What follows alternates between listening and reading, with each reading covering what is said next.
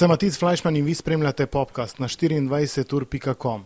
Tema današnjega dogajanja pa seveda kolesarstvo. Kolesarski svet eh, se vrti z ekstremno hitrostjo, odvija se 110. dirka po Franciji in uh, videli smo že marsikaj na cestah, uh, težko pa razumemo včasih, katero od potez in to predvsem zaradi tega, ker je kolesarstvo več kot samo šport in da bi lahko dosegal nekaj, kar vidiš na cesti, je potrebno ogromno trenirati.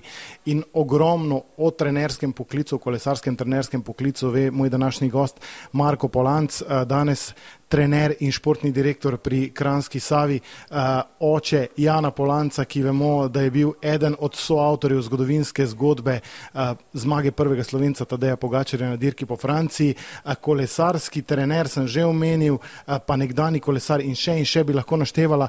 Vem pa, da tudi uh, pomagate tistim, ki jih kolesarstvo zanima, da bi jim nekako uh, dneve na kolesu olajšali. Marko Polanc, pozdravljen. Ja, dober dan, Matic. Evo, res je, vse to, kar si povedal, drži. Uh, pač v kolesarstvu sem že res dolg časa in tako s vrhunskimi tekmovalci, kot tudi z rekreativnimi kolesarji se ukvarjam. Tako da pač to je moj poklic in življenje, bi temu rekel. No, če rečemo, ne, eh, rekreativni kolesari, to so tisti, ki eh, bi se želeli približati profesionalcem, ampak ta pot je zelo dolga. Ne?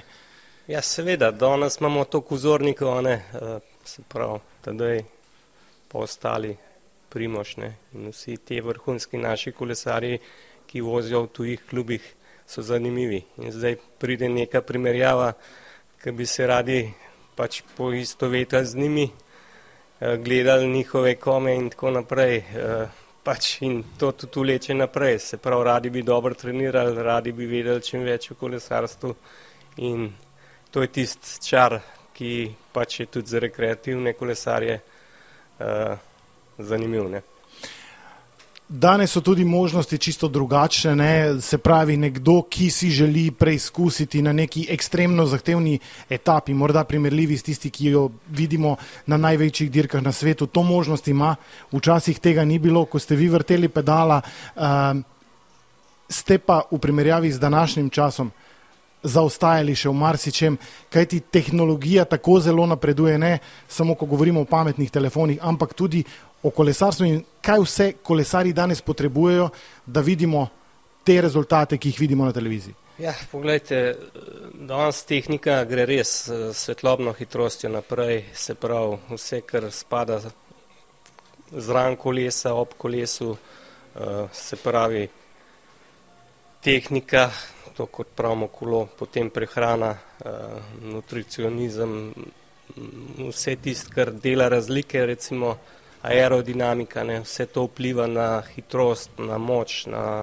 vse te uh, se pravi stvari, ki vplivajo na, na dober rezultat in tega je ratalo ogromno. In pač imamo informacije preko spletov, preko raznih aplikacij uh, in ljudje se tega tudi poslužujejo, čeprav bom rekel, da do neke mere je to dobrodošlo. Eh, če je pa preveč tega, pa ratajo tudi ljudje zbegani, bom rekel, ali pa ne vejo, kaj bi počeli v resnici in so potem nekje v, tavajo v megli in niti zga rezultata, ki bi lahko bil zaradi tega. Ne.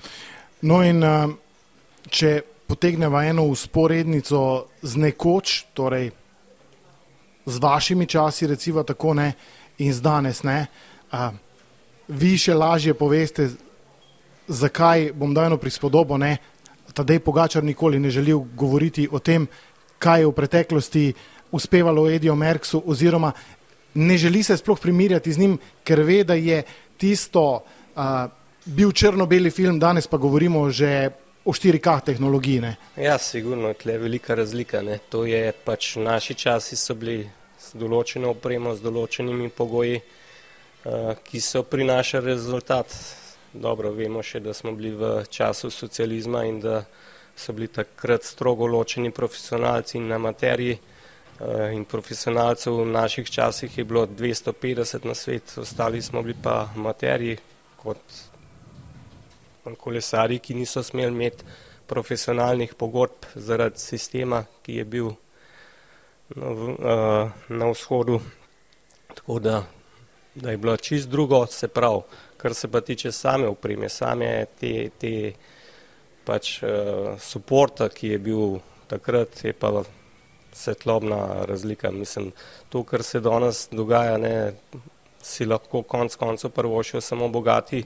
V tistih časih pač ni bilo toliko razlik med opremo, med, uh, med vsem, kar je pa se zraven. Mogoče res neke stvari nismo vedeli v pravem času, tako kot italijani ali pa francozi, da smo tam imeli uh, v bistvu deficit, uh, ampak si nekje lažji dirko recimo z njimi kot pa sedaj, uh, bom rekel tako, ali zelo odlični kolesari, pa tisti manj dobri, so že velike razlike, ampak te razlike nastajajo predvsem zaradi finančnih sredstev, ker pač Danes uh, bi jaz tako rekel, če imaš ti dovolj denarja, potem si lahko privoščiš najboljšo opremo, najboljše strokovnjake, ki vplivajo na vse razvoj in spremljanje pač treningov, uh, potem planiranje dirk, kako se bo, bo šlo tudi dirk in tako naprej. Potem, če imaš denar, pokupiš najboljše na svetu in si najboljši avtomatsko uh, in vse to vpliva na razvoj. Zato tudi jaz vidim to razliko danes med nami, recimo v Sloveniji in v tujini, ker so te razlike ratale v parih letih. Jaz sem pred štirimi leti še bil s Pogačarjem, ne, e, pač sem z njim treniral in delal. E, sedaj pa sem se vrnil spet nazaj ne, in gledam to razliko, štiri leta so to samo. In gledam te mlade razvojne ekipe, kako so organizirane, kaj imajo na voljo vse, da lahko delajo rezultate in kakšne kolesarje imajo v ekipah. Tako da tlele bomo mi mogli tudi v Sloveniji narediti korak ali pa dva naprej, ker drugače ne bomo uh, šli z njimi v, v tisto pravo smer, bi rekel temu. Ne.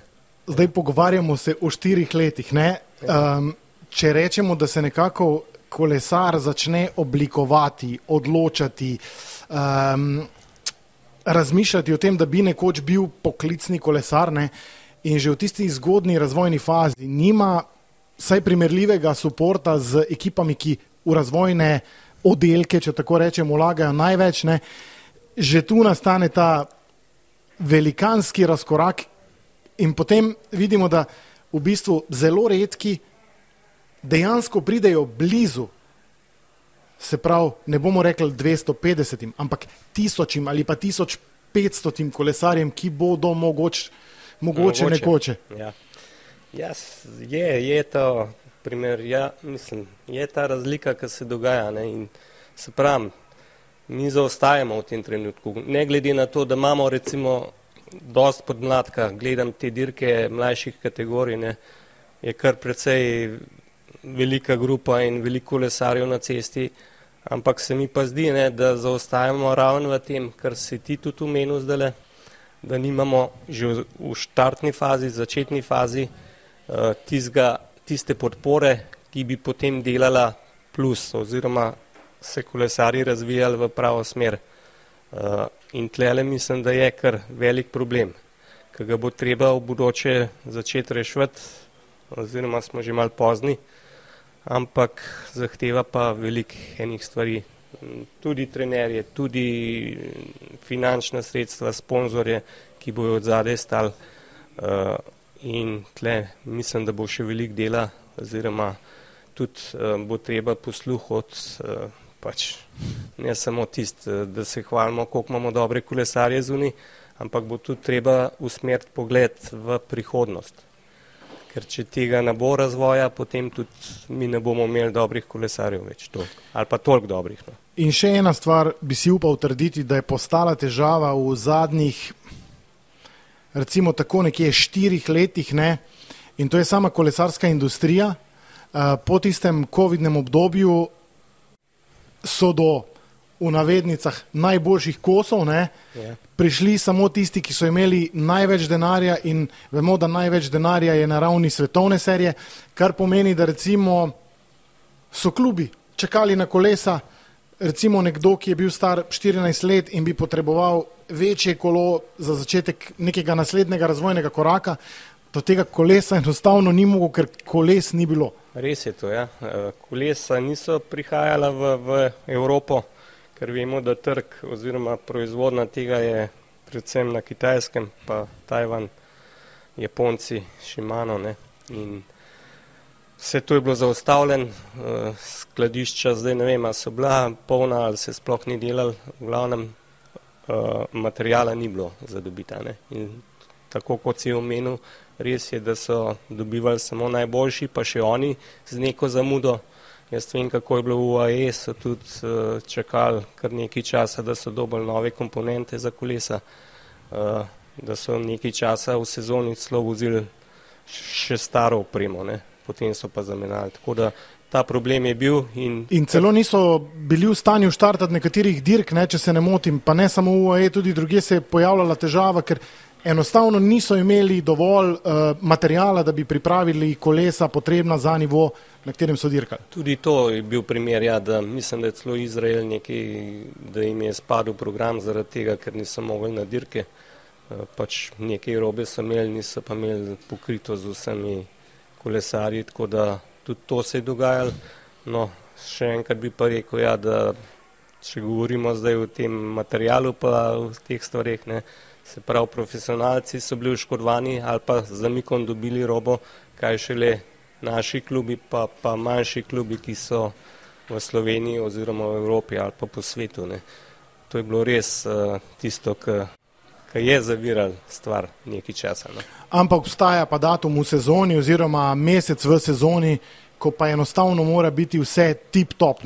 In to je trenutek, ko se začne dirka po Franciji ali pa že nekaj tednov prej, kajti to je dirka, na katero nisi nikoli dovolj dobro pripravljen, mora pa pred to dirko dejansko v navednicah štimati vse, če hočeš izpolniti strategijo, ki jo je ekipa a, postavila.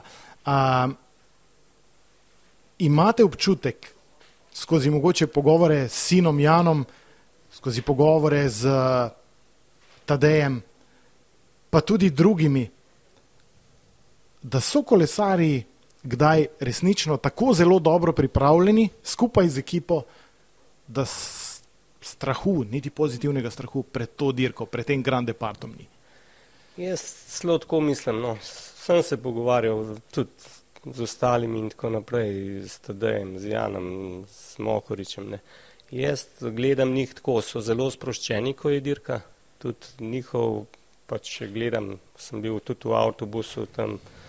Oni so zelo skulirani pred samo dirko. Ne? In to pa zato, ker vejo, da pač imajo svoje naloge, vsak se čuti odgovornega, pač to so le profesionalci, ki imajo odgovornost, ki so pripravljeni za dirko in tudi s tem namenom so izbrani v ekipo. Ne. Ker pač vemo, da vsak klub od teh večjih, ne, se pravi Protura, uh, ima 30 kolesarjev.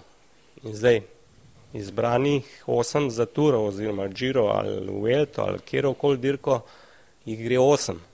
In zdaj ekipa, strokovnjaki, ki stojijo v zadnji, trenerji, ki gledajo formo, točno vejo, kdo je pripravljen v tistem trenutku. Čeprav se dogaja tudi kaj tacga, ko mogoče kakšen kolesar ne bi smel iti, pa gre. Ampak to so pa spet interesi drugi, se pravi sponzorski, prijateljski in tako naprej. Tudi kar se tiče kemije znotraj ekipe. Tudi ne? kemija, tudi to, nek pozitivc ali nek negativc, pač se vidi karakterno tudi, kdo je tisti, ki paše v skupino in potem tisti, ki to odločajo, eh, to dobro vejo in tudi potem formirajo ekipo tako, kot je potrebno. Ena tema so kolesari, drugi segment izjemno pomemben so mehaniki, priprava kolesa. To bi si upal trditi, da je na nivoju, ne vem, MotoGP motociklizma ali pa Formula 1, kaj ti danes govorimo o takšnih detajlih, o, o... sploh ne vem, če vedno razumem, kaj vse so želje kolesarja po tistem, ko naredi prvi krok in pride nazaj do mehanika in reče, uh, milimeter bolj ne, mi zategni to zajlo, ker uh, želim še bolj direktne zavore. Um, je tudi na mehanikih zaradi vsega tega, ker mora biti vse perfektno, velik pritisk? Ve, ja, je zelo velik pritisk na mehanike, ker pač oni igrajo veliko vlogo v tem poslu in uh, če oni svalijo ne, nekje, potem sigurno to ni dobro. Ne. O, oni so ravno tako vključeni v tima ne, kot kolesarji in pač, če ni dober uh, mehanik, tudi masera, ne govorimo tudi o maserjih, ampak še bolj je na udaru mehanik, potem tudi on lahko zelo hitro zgubi službo. Ne. Tudi če ima pogodbo, pač se dogajajo stvari, ki, ki v ozadju, ki jih mi ne vemo in ki vplivajo na rezultat. Uh, vemo, da vsaka malenkost danes odloča pri teh vrhunskih tekmovalcih ne? in če nekaj ne klapa in da se to, pač jaz tudi kot trener sem gledal to tako, ne? enkrat mi je mehanik pač neko stvar narobe naredil, sem ga upozoril, smo rešvali, če je to bilo drugič, tretjič, pač sem ga ukaral, ne? ker to ne, ne gre, ne? pač more, more stvar klapati na vseh področjih. Ne? In potem v bistvu vemo, da neko študijsko nalogo, ne, prav ti mehaniki, morajo narediti vsako leto, kajti zadaj industrija, razvoj napreduje, proizvajalci izvajajo pritisk na drugega proizvajalca in vidimo, da v bistvu iz sezone v sezono se zgodi, da je paket izven okvirja kolesa povsem nov, kar pomeni na eni strani privajanje na potrebe tekmovalca, za mehanika povsem na novo. Se vam zdi, da grejo te stvari prehitro naprej, da bi bilo morda bolje, da bi se uvedel nek standard, kaj enostavno je lahko A ali B, ali je prav, da tudi proizvajalci industrija tako zelo pritiskajo drug na drugega? Jaz mislim, da je to vseeno malo prehiter, ne? kar gledam zdaj, recimo sforsirane so bile disk zavorene, Zdaj, nekako so se navadili, ampak eh, jaz opažam določene stvari, ki se dogajajo. Ne? Zdaj, mogoče tudi kakšen to ne bo priznal, ampak mislim, da je posledično zaradi teh zavor veliko več pacov, kot jih je bilo.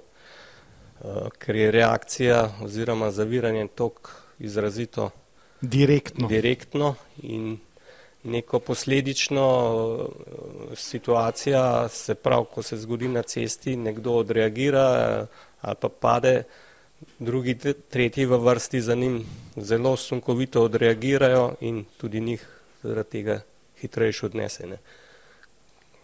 Pač mislim, da bo to treba še do, dodelati, eh, sigurno bojo to še kaj razmišljali o tem, vendar pa zaenkrat pač so ti negativni dogodki, ki se dogajajo, ki jih pa potem kolesarji morajo pač prenašati ne, oziroma trpeti posledice.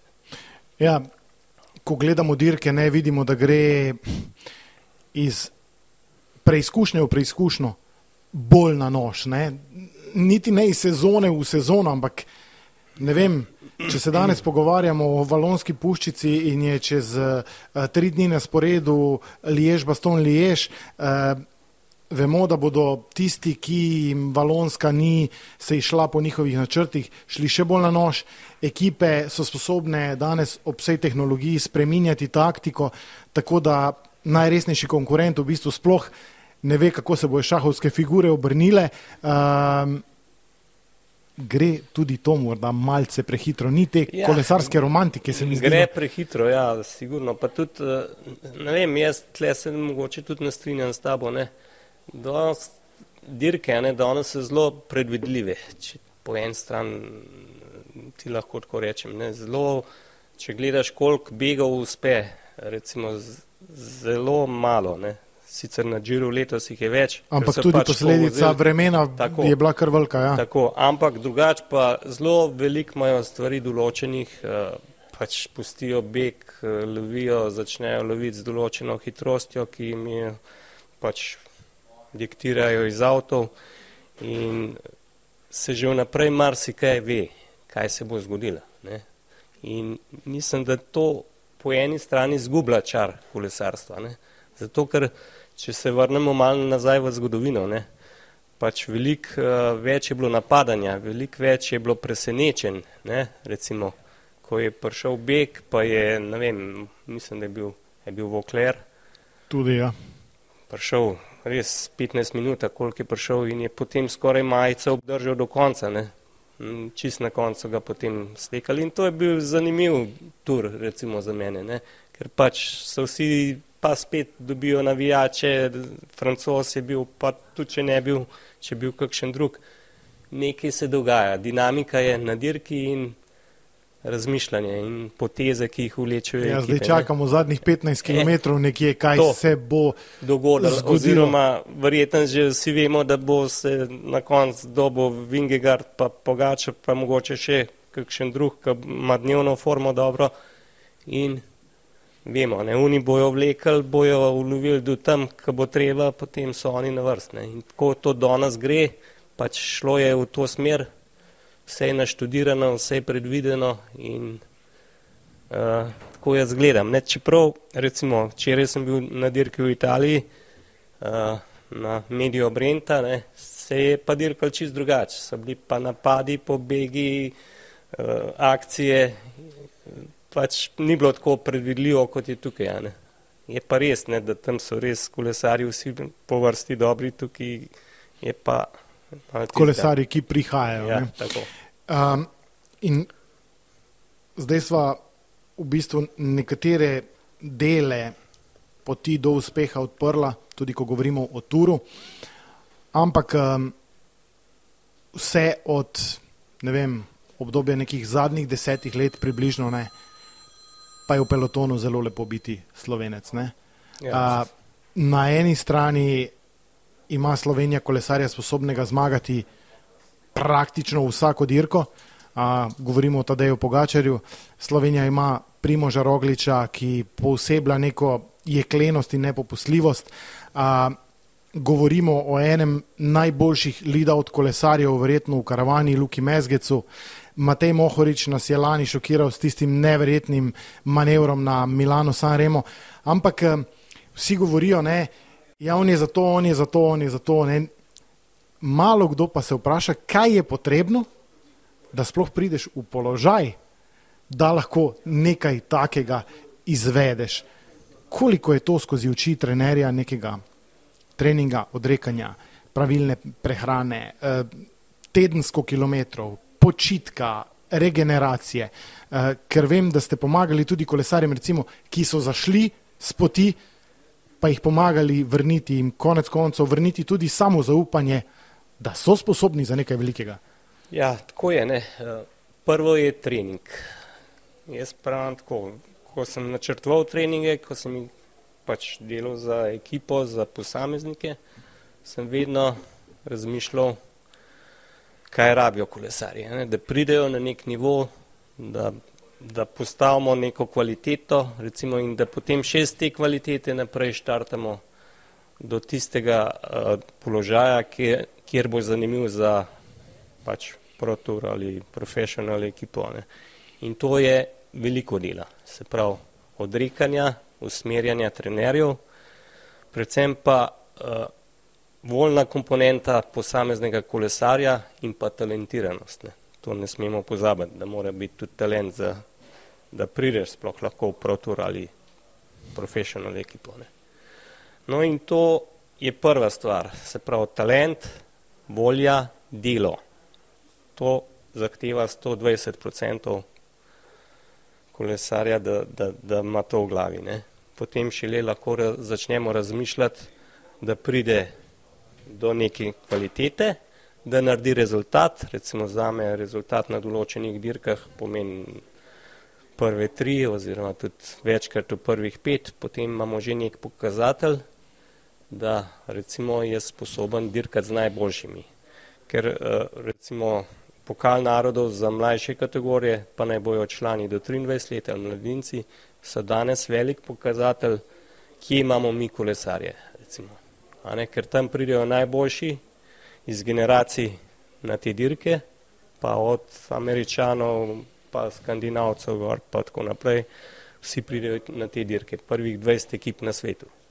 In tam se vidi, kje smo, recimo. In če, jaz, jaz sem vedno rekel, če imamo kolesarja, ki se lahko voz med 20, v tej kategoriji, potem je to velik plus za njega in lahko tudi napreduje in gre potem v člane oziroma profesionalce naprej.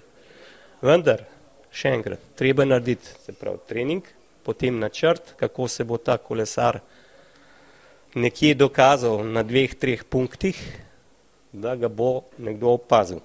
Ne? In jaz lahko rečem, pač, ker sem z Janom direktno delal, sem imela načrt, od ko je šel v člane, da v treh letih zmaga tam pa tam, pa da je tukaj dober in da se do, v kategoriji do 23 potem podpiše pogodbo že za profesionalne kolesarje. In tako se je tudi zgodilo. Mogel je zmagati uh, Piccolo Lombardijo, pa Giro del Friuli, pa biti drugi na dirki po Sloveniji z 21 leti in ni bilo problema. Vendar je treba to narediti. Sicer danes je mečkan drugač kot pred desetimi leti, vseeno. Ne? Pač nekje ti uh, skauti ali menedžeri, kakorkoli hočete, uh, že opazujejo, kdo je recimo standardni. Potencijalni.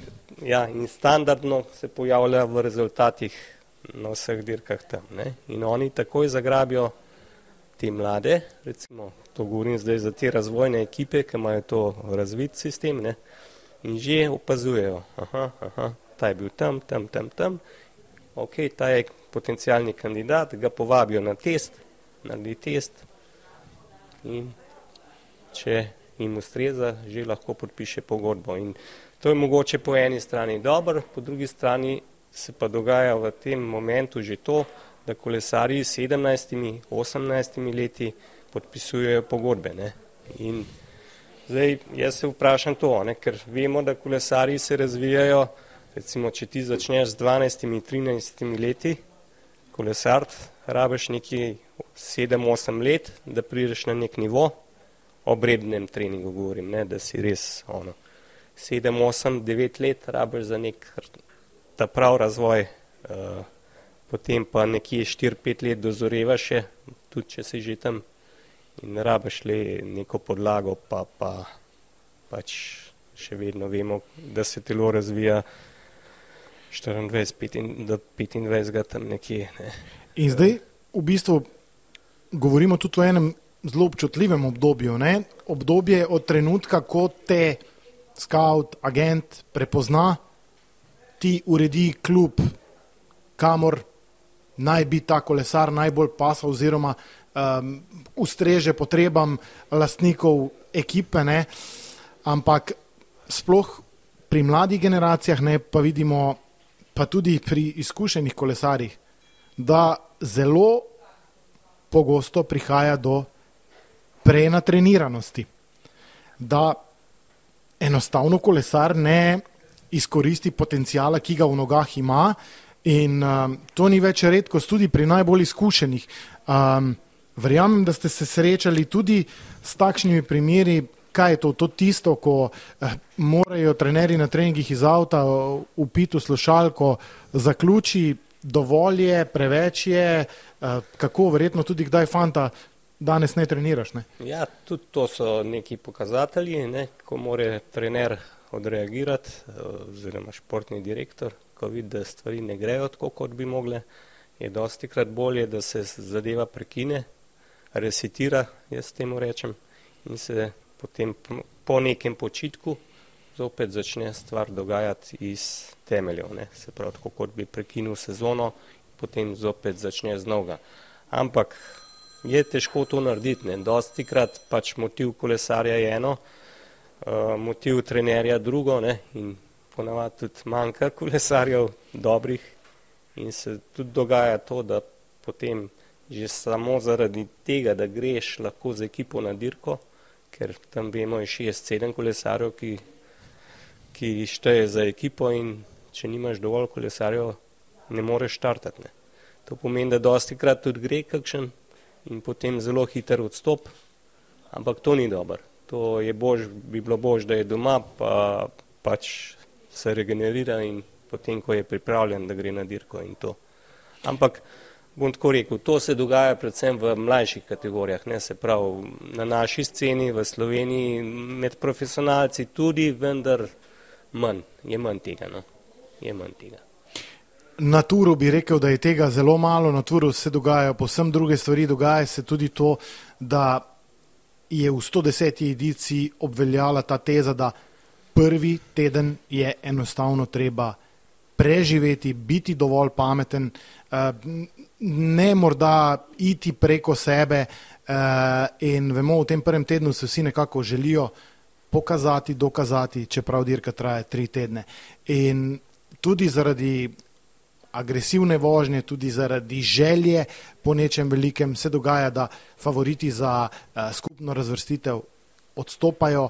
Uh, tisto nekaj najhujšega za same tekmovalce, za ekipe, ki so gradile strategije na njih in uh, tak primer imamo uh, po pacu Enrik Mas, Movistar je stavil ogromno na njega, EF uh, Education Easy Post na Ričija Karapaza isto uh, zunaj pogona, pa se dirka praktično še ni začela. Um, kako v bistvu, mislim, to je predstavljam si velikanski udarec za ekipo, velikanski udarec za športne direktorje, velikanski udarec za trenerje, ki so posvečali toliko pozornosti, ulagali, reke bi, neprespane noči so za njimi, da ja. bi vse bilo kot mora biti. Oni so gradili na teh eh, liderjih, ne, se pravi, se jim je pa čez noč podrla oziroma že v samem štartu podrla strategija. Uh, Pač to se dogaja, ne? je pa res, da, da so pritiski oziroma tudi eh, jaz sem ravno gledal prvo etapo, to je rešilo na nož pač do konca, vsi pa je bila še kar velika grupa, recimo, ko je bilo že predvsej časa tista, bom jaz rekel, palba, ne rečemo kolesarje, uh -huh. ampak eh, so kar ustajali. Ne? Potem se pa dogajajo napake, ker je hitrost na nekih delih izredno visoka. Ne? In utrujenost tudi velika. In vročina je bila velika, ne mislim, da je bilo 40 stopinj, če se ne motim. In to dela potem napake. Ne. Se pravi, iz tega ven se zgodijo napake. Mogoče celo te dva nista bila toliko kriva, kot sta dobila one dva tist eh, potem. Napačnem kraju, v ja, napačnem trenutku, tako, ja. Sta se tam pojavila in je šlo v narobno smer vse skupaj. In zdaj, recimo, kaj se dogaja? Zdaj bojo mogli spremeniti strategijo. V ekipi je vedno tako, da se podpira liderja, zdaj liderja nimajo izrazitega, ne. Bo mogoče dobil kakšen mlad priložnost, da se bo izkazal kot uh, generalni kolesar za generalno uvrstitev in pa verjetno bojo napadali etape. To je tisto, kar jim je še ostalo. Ne. Zdaj, ali dobimo neko presenečenje iz druge linije, ali pa zmagajo par etap in so rešili zadevo. Drugače pa to zelo kočljiva situacija za take ekipe, ki vlagajo veliko denarja oziroma sponzori, ki vlagajo v take ekipe veliko denarja, na koncu uh, pa potegneš črto, pa ni nič. Ne.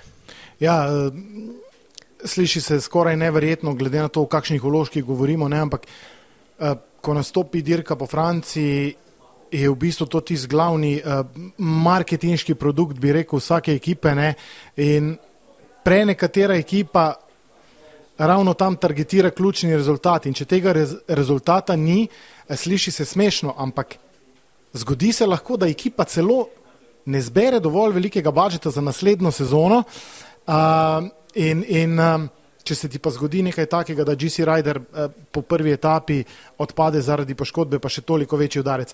Ampak videli smo že včeraj, ne, IF je eh, šel v igro z Polka do Jerseyjem, se pravi s pikčasto majico Nilsonom Paulsom v bek. Eh, tam so verjetno pridobili nekaj, kar so potrebovali, da bodo dostavili sponzorjem, govorimo seveda o pojavnosti.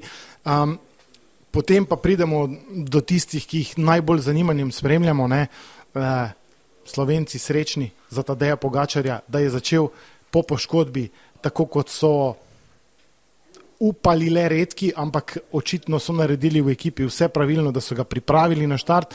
Uh, vidimo uh, Jumbo z vsemi orožji, ki se ne bo predajal in to kaže v vsaki etapi in potem še te, ki čakajo na svojo priložnost.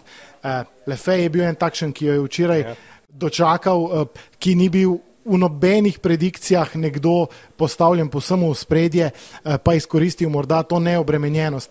Ampak kako pa recimo biti dovolj pameten v teh zelo pomembnih trenutkih na začetku, pa da um, se ne obremenjuje z nekimi stvarmi, kot so recimo rumena majica.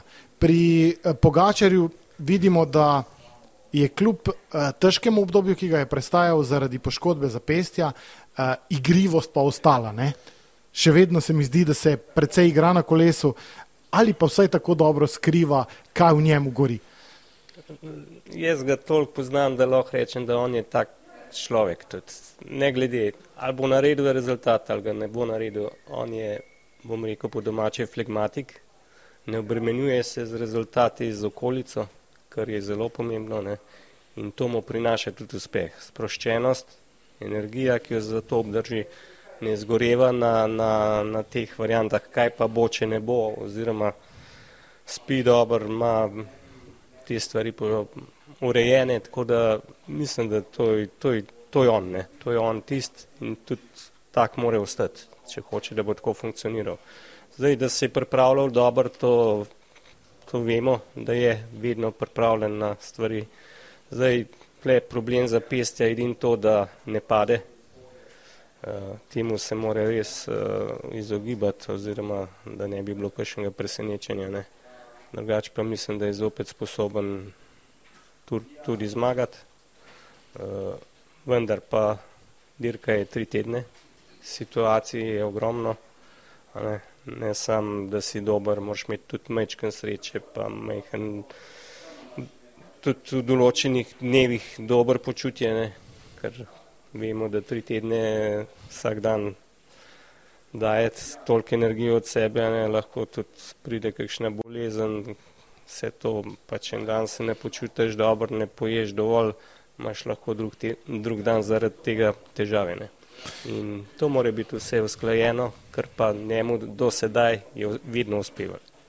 In še nekaj bi si upal trditi, da ne glede na finančne razpone, želje in ambicije ekip, da ko govoriš s predstavniki ekipe Združenih arabskih emiratov, da je tam hierarhija jasna. Torej, Tadej Pogačar je poglavar te zgodbe, ko govorimo o strukturi kolesarjev. A, in tudi, če pride Adam Jejc v to ekipo, tudi Adam Jejc, danes vodilni na dirki, iskreno pove, ja, sem drugi kapetan, vendar šef je Tadej ne bi si upal trditi, da so te stvari tako zelo uh, razjasnjene, če se tako izrazim, v vseh ekipah, ki so morda mogočnejše, bogatejše, po imenih bi pa rekel, da brez dvoma bolj zvezdniške. Ja, jaz, ko bom rekel, no, je, je velik del resnice o tem, da so naloge oziroma uh, naloge kolesarjev določene vnaprej. Zdaj, mogoče v čist vseh ekipah ne, ampak saj tam, kjer so strukture kolesarjev take kot ima UAE, pa Ineos, pa, pa Jumbo, ne, uh, tam je to jasno, ker vsi se zavedajo, da njihov kolesar lahko zmaga. In samo tisti kolesar, ki je v, trenu, v tem trenutku na vrhu, recimo da se razumemo, Jajc je odličen kolesar, je tudi že zmagal marsikaj, vendar se je podredil TD-ju.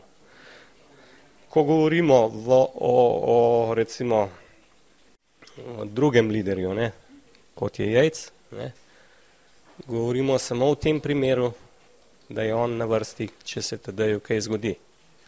Ne, se pravi, da bi bil padec, da bi karkoli tacga prišlo, je na vrsti on. Ne? Do takrat je pa striktno podrejen TD. In to je tudi prav, ne? ker pač te ekipe, ki so tako močne, ne? pa imajo lahko tri super kolesarje noter, pa če tiste drugi in tretji ne boste pomagala svojemu liderju, ne bo rezultata. Če vleče vsak kon v svojo smer, ne bo šel nikamor. In to je tisto, kar more biti. Zato so, pač imaš celo ekipo, lahko reče ekipa, gremo samo na generalni rezultat. Ne zanima nas etapni rezultat, ampak samo generalno in vsi boste delali samo za, za ta uspeh. Se pravi, ni begov, ni individualnih akcij, samo spremljamo našega kolesarja, potegnemo, kadar je potrebno, ujamemo, kadar je potrebno in tako naprej. Ne. In potem, in potem um, vsi komaj čakamo tisti zaključek, eh, letos eh, še zadnjič na Elizejskih poljanah, potem se zgodba seli v Nico. Um, in vedno znova po tisti zadnji, po 21. tekmovalnem dnevu ugotavljamo, kakšna vele sila Slovenija v kolesarstvu je.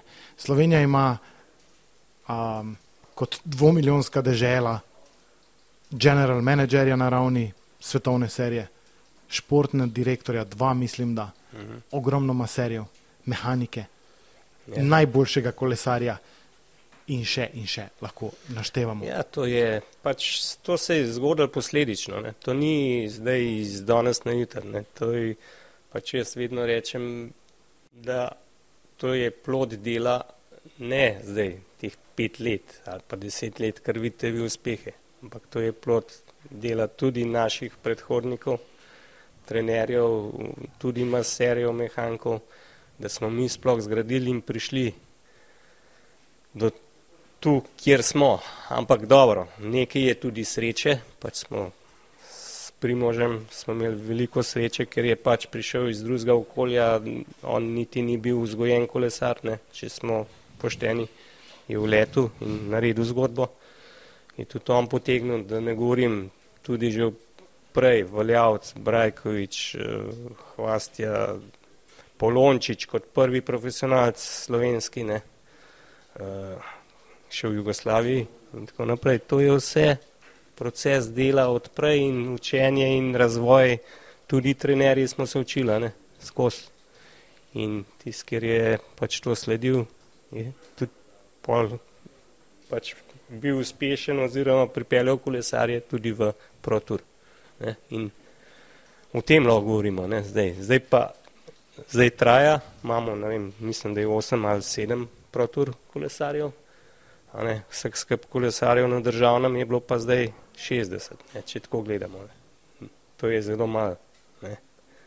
Eh, članske vrste in bo treba se pobrigati, da bomo spet gradili, da ne bomo zaspali na teh lurikah, ki se zdaj pač dogajajo, ampak da bo treba razmišljati v razvoj mladih. Tudi to, kar sem prej omenil, da bo širša zadeva, da se bo podprl z vseh strani, ne samo, da imamo ekipo, ne, pa da delamo tako, kot pač lahko delamo, ampak se bo mogel nekaj zgoditi, da bomo zadevo lahko nadgradili in bomo konkurenčni tudi z mladimi. Ne. In še to za konec, zdaj imate upravka z mladimi ali pa tistimi, ki prihajajo kakšen občutek imate? Fantje radi vrtijo pedala, radi trenirajo, imajo podporo, uh, vsaj doma, kaj ti ta je v tem trenutku, dokler ne narediš naslednjega koraka, najbolj pomembna.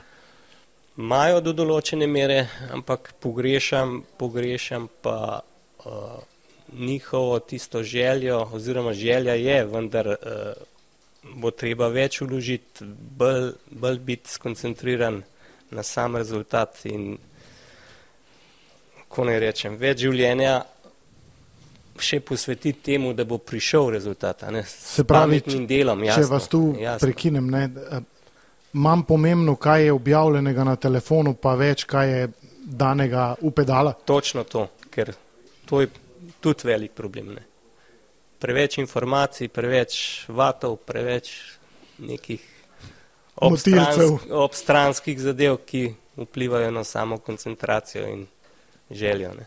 Vsi bi pa bili rogliči, pa pogačari, vendar zato je treba narediti velik. Marko Polanc, hvala za vaš čas, hvala za informacije in verjamem, da ste tudi kakšnemu mlademu malce odprli oči, da vendarle pot je bistveno daljša do tistega končnega cilja, kot si eh, mnogi mislijo. Hvala. Hvala tudi vam. Tako, to je bil uh, podcast na 24ur.com. Dotaknili smo se malce drobovja kolesarstva, um, poti do uspeha tehnologije, kolesarske industrije in pa seveda uspehov Slovencev v zadnjih letih. Hvala, ker ste bili z nami in prijeten dan še naprej.